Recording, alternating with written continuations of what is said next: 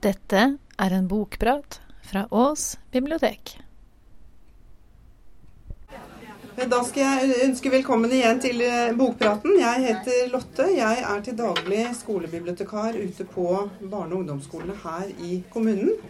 Så jeg leser nok eh, i faglig sammenheng mest barne- og ungdomsbøker. Og det bærer litt preg av det jeg skal snakke om i dag.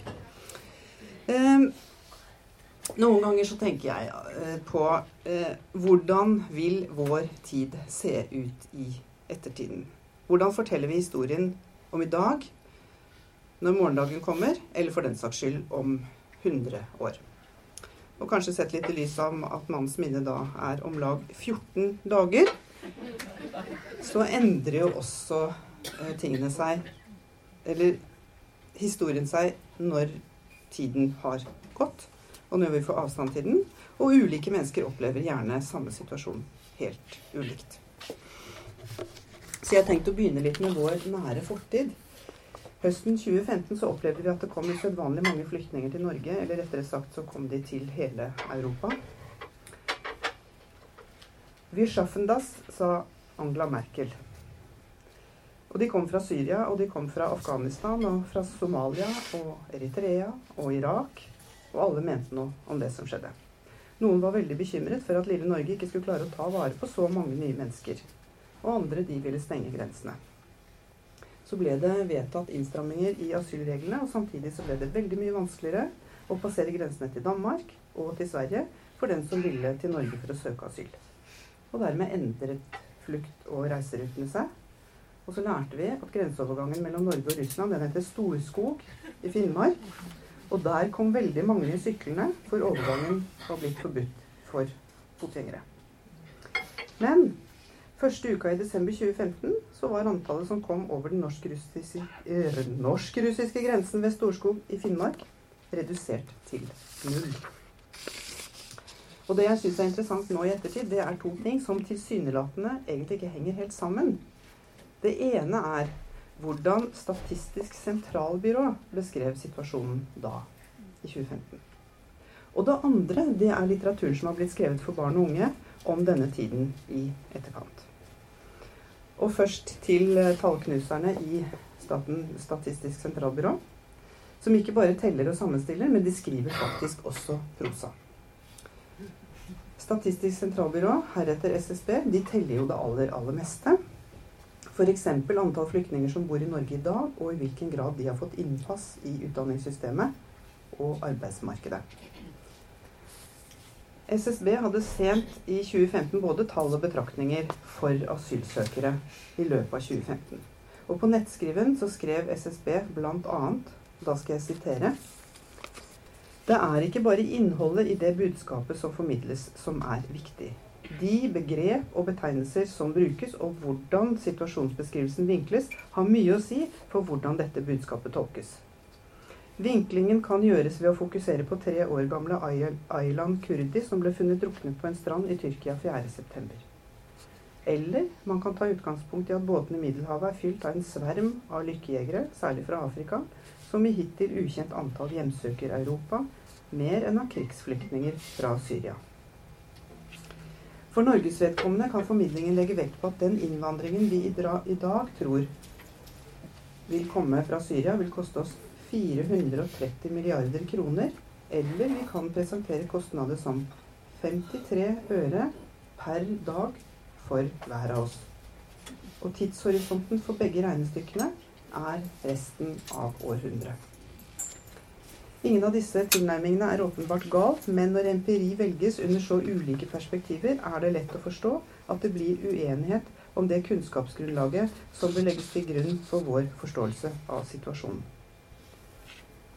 Det er viktig å bruke riktige og entydige betegnelser i beskrivelsene, og at vi er oss bevisst hvordan vi definerer og bruker ord som overføringsflyktninger, flyktninger, migranter, innvandrere, asylsøkere, asylsøkere som innvilges opphold, og på hvilket grunnlag. Utover høsten er det blitt stadig vanligere å omtale dem som krysser Middelhavet som flyktninger og migranter, og på den måten kanskje antyde et skille mellom verdig trengende og lykkejegere. Vi må også være tydelige på hva som gjelder faktiske observasjoner. for hvilken periode de er gjort, og med hvilke metoder, og hva som gjelder tall om fremtidige ankomster, om det er måltall, forventninger, framskrivninger, prognoser etc. Særlig når en skal sammenligne mellom land og mellom perioder, er det nødvendig å være helt tydelig på hvilket grunnlag det er for sammenligningene. Sitat slutt. Om lag 250 millioner barn lever i områder herjet av krig i dag. Og så til litteraturen. Dette har jo satt preg på litteraturen. Kanskje ikke i veldig stor grad, hvis vi ser på hvor mange som faktisk lever eh, i krigsområder. Men i 2017 så kom det ut flere bøker i Norge for barn og ungdom som hadde tema krig og flukt. Og da skal vi se litt på noen av de. Dette er billedboka 'Fargene som forsvant' av Konstanse Ørbekk Nilsen og Akin Rudsaken. Og temaet her, det er om leve i et krigsherjet land.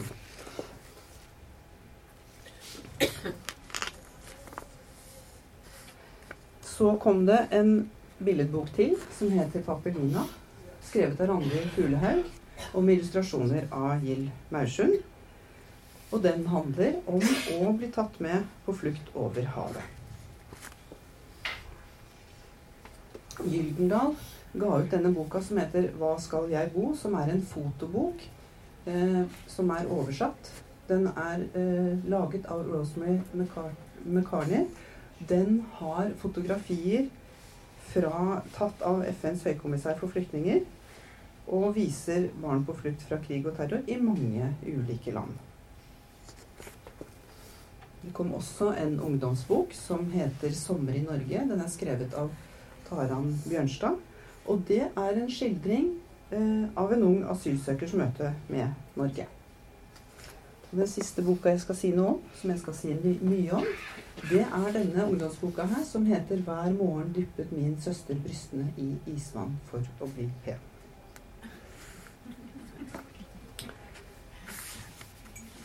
De to siste, disse ungdomsbøkene, de står ganske sterk kontrast eh, til de siste årenes eh, ungdomslitteratur som har kommet ut eh, både i Norge og for så vidt i andre land.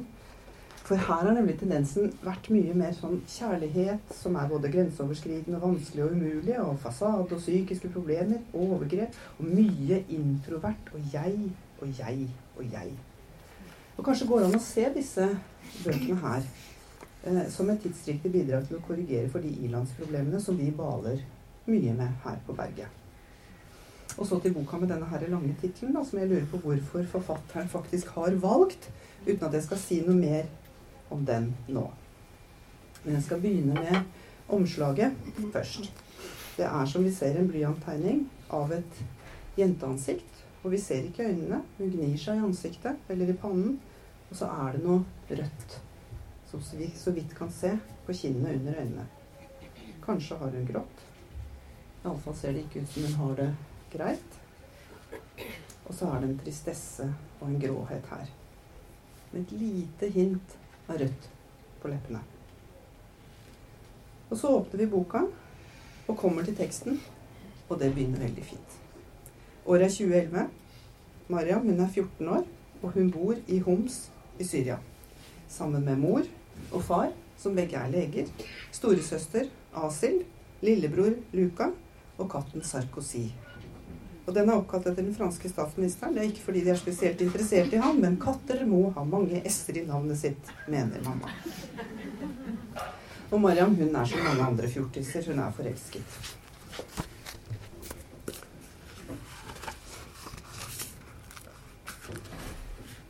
Vannet ligger stille. Det er ingen andre her, bare oss to, Nizar og jeg.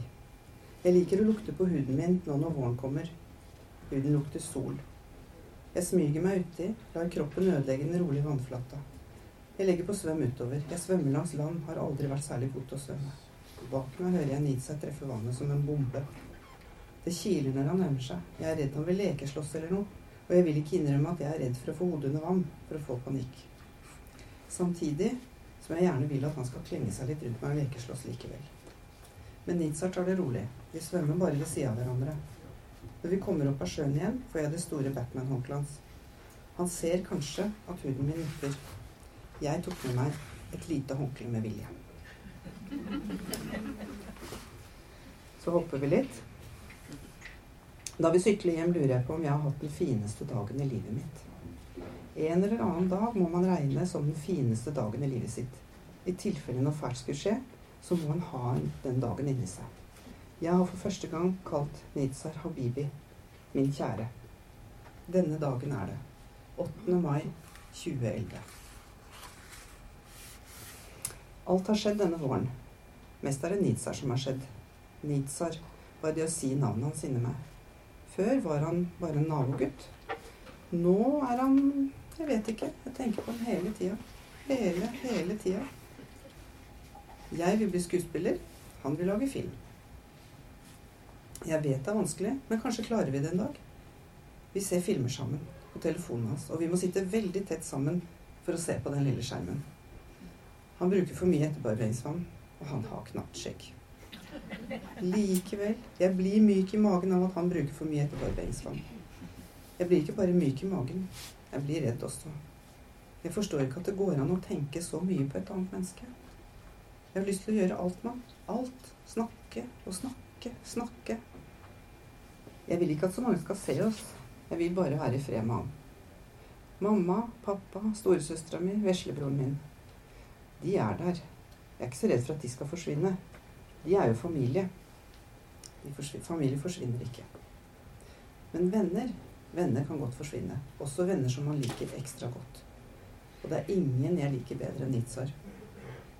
Men hvor mye liker han meg? Mer enn å låne meg Batman-håndkle? Mange gutter liker storesøstera mi. De ser iallfall et, etter henne på gata. Asil har ganske store, fine bryst. De gynger, og hun vet det. Hver morgen dypper hun dem i vann med isbiter. Det ser skikkelig vondt ut. Kjenner det stikker i mine egne bryst når jeg ser på henne, men hun sier de blir finere og fastere når hun gjør det. Hun har alltid gjort mye mer enn meg for å bli pen, og mange gutter ser på henne. Hun er mye mer populær enn meg. Din familie er så fri og vestlig, sier Nizar til meg. Hva mener du? Er vi mindre moralske? Nei, det er bare sånn at du går så fint og fritt med det håret ditt, og fri og vestlig og fine greier. Nei, jeg vet ikke. Fri og vestlig, det er et rart uttrykk. Tror f.eks. folk i Vest-Europa at vi er ufrie og, og østlige? At vi Homs bor i telt? rir på kameler til skolen og drikker melk rett fra ei geit? Eller er det bare mor til Nizar som ønsker at det var slik? Jeg vet ikke hvor fri og vestlig jeg egentlig er. Jeg håper at jeg ikke må dyppe brystene mine i isvann for at Nizar skal like meg.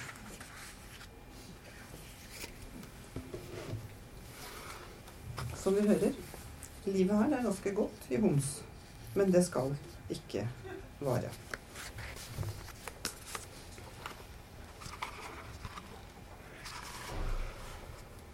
Alt kunne vært så bra. Jeg er 14, snart 15, og selv om jeg ikke har sånne bryst som Asil, så har jeg fått det også.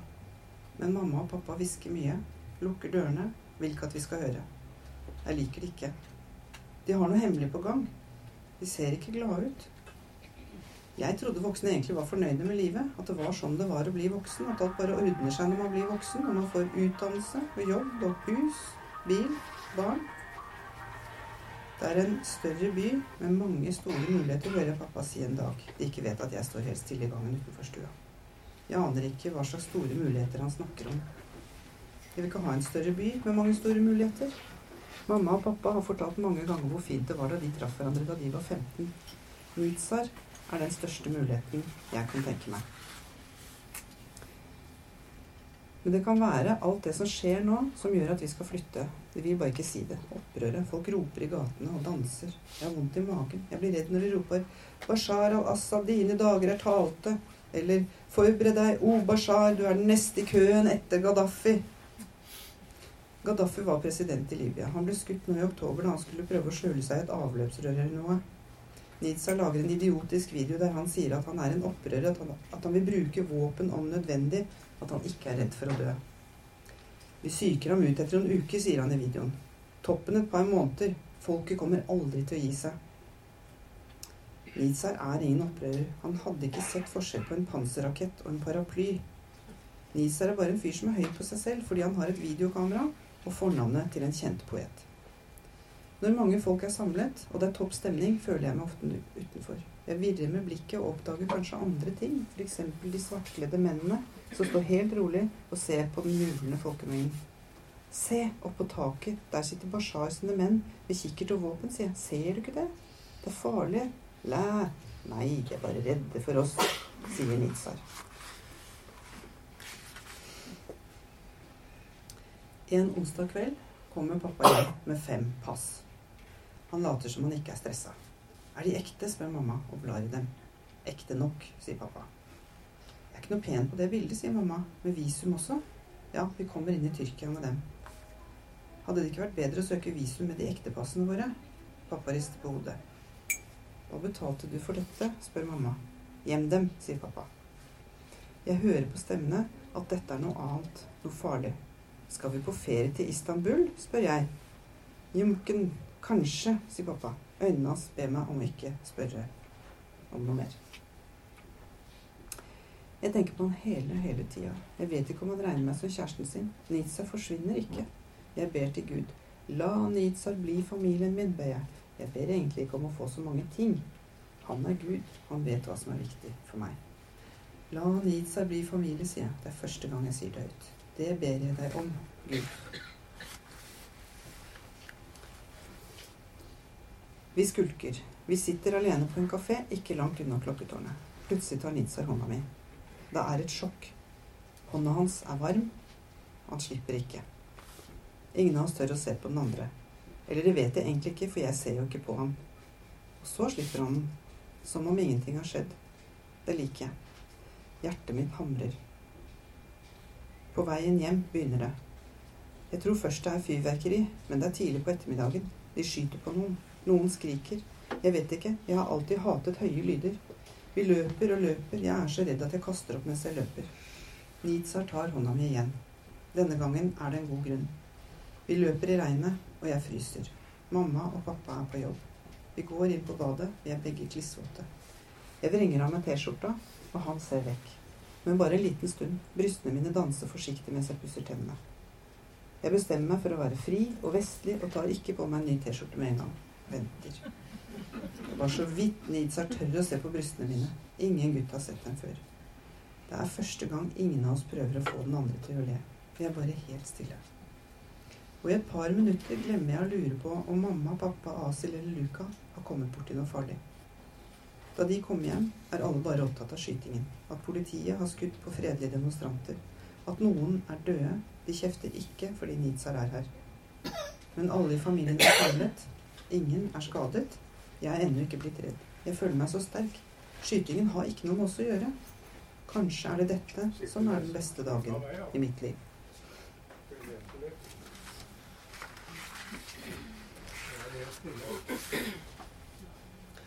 Det går mye raskere enn jeg hadde trodd. Vi har virkelig planlagt det. Vi pakker alle tingene, alle bøkene, alt. Mamma og pappa har mange bøker, kanskje tusen. Vi har så mange bøker at mamma aldri har giddet å telle dem. Mange er franske og engelske også, fra da mamma og pappa studerte medisin. Alle tingene og bøkene blir sendt med en stor varebil. Alt. Det er så vidt Asil og jeg gidder å hjelpe til med å pakke. Særlig Asil lat. Hun er redd for å ødelegge neglene når hun pakker eller bærer eskene. Og Luca han liker ikke han heller. Han stikker av, spiller fotball, og mamma orker ikke hente han inn. Han går stort sett i veien, sier hun. Luca kunne godt ha hjulpet til. Han bare spiller et dumt barn. Sarkozy er ikke happy, han heller. Ligger med flate ører under sofaen og ser på. Tenk hvis noen stjeler alle bøkene våre, sier jeg. Nei, de gjør ikke det, sier pappa. Ikke alle er like interessert i bøker som vi er. Det hadde faktisk vært litt mer håp for dette landet om folk var så interessert i å lese at de stjal bøker. Men vi skal vel flytte tilbake til hit til Homs en dag? Snart? spør Luka, som nå plutselig står i døra. Så hvorfor må vi ta med alle bøkene da?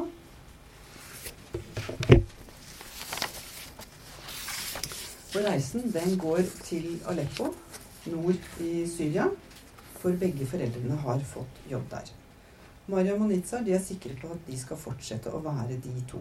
Og Nitzar sier 'Jeg kommer til Aleppo og studerer film'. Og senere ringer og ringer og ringer Mariam til Nitzar, men han tar aldri mer telefonen. Romanens andre del den foregår i 2014, altså et hopp tre år fram i tid. Og Mariam hun er fortsatt i Aleppo.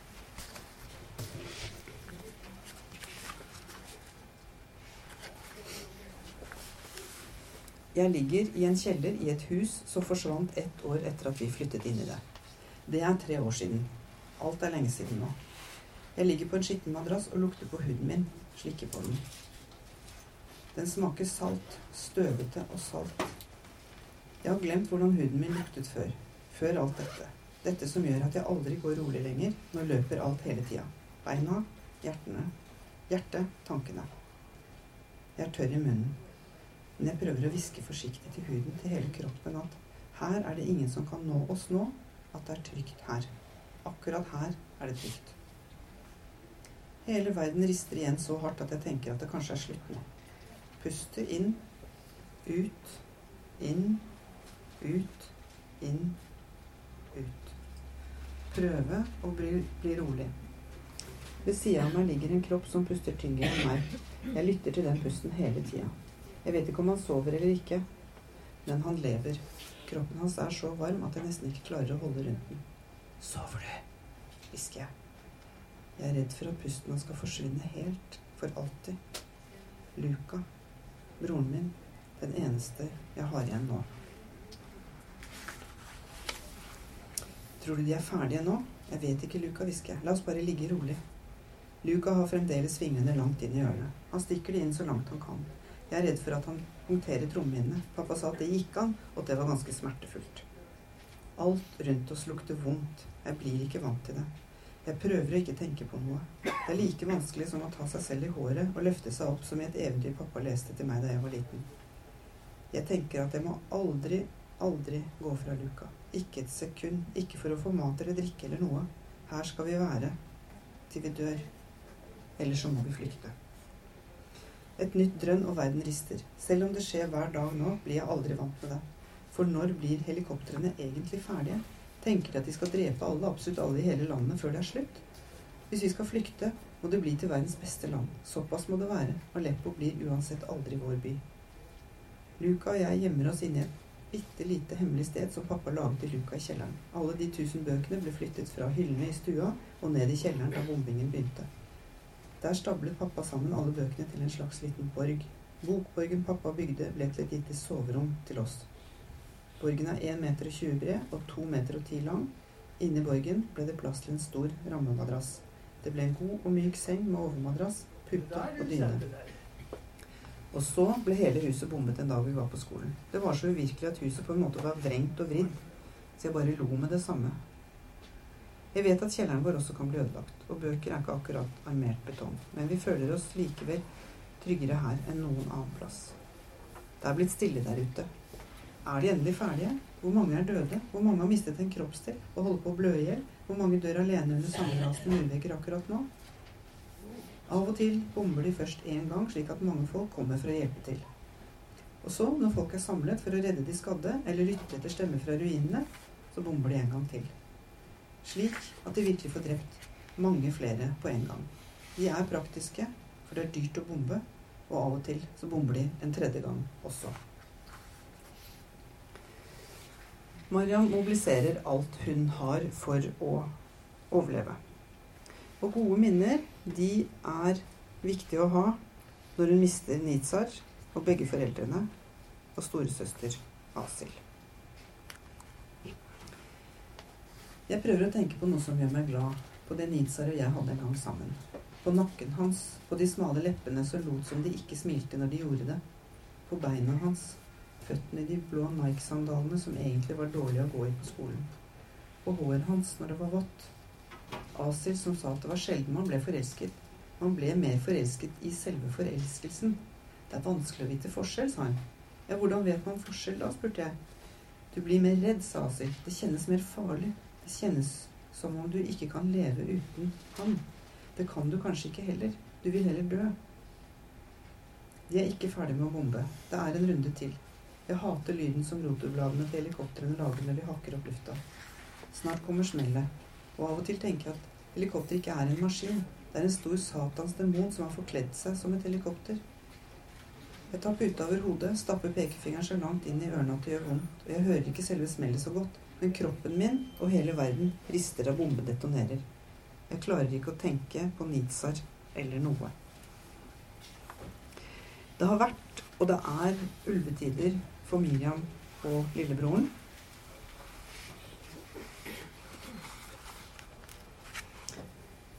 Asi gikk ikke frivillig med dem i begynnelsen. Hun ville ikke si noe særlig om det, men hun ble tatt av en barberer etter at mamma og pappa var borte.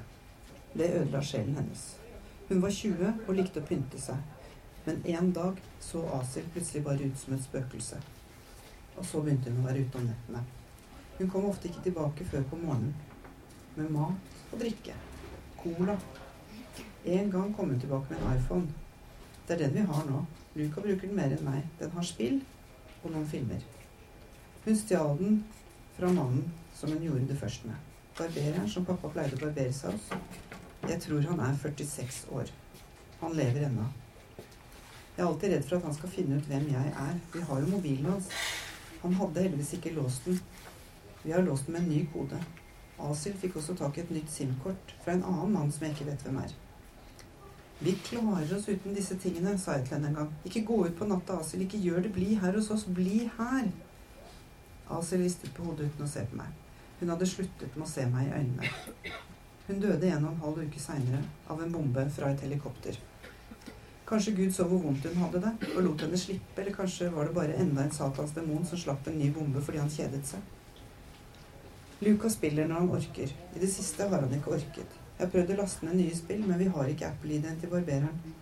Luca var happy med at det var Angry Bird-spill på mobilen. Et vanlig.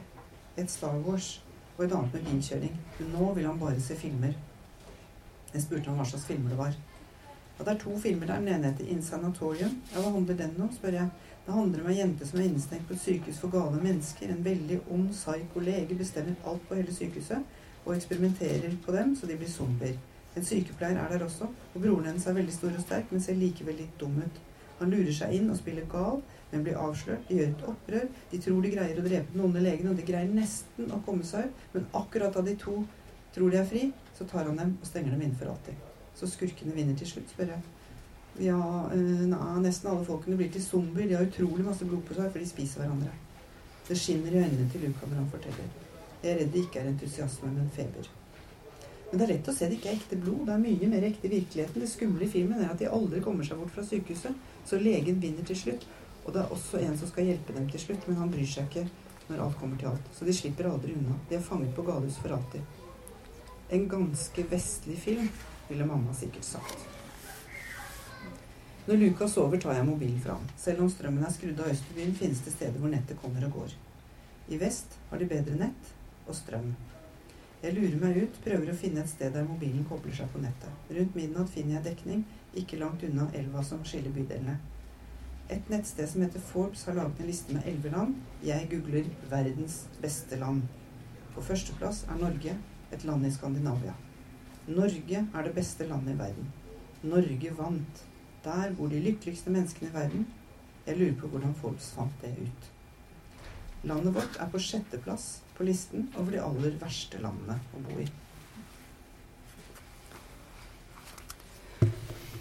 Og Luca, han er syk, og bombene faller. Og det er ikke mulig å få tak i medisiner. Og Miriam skjønner at hun kan ikke bli.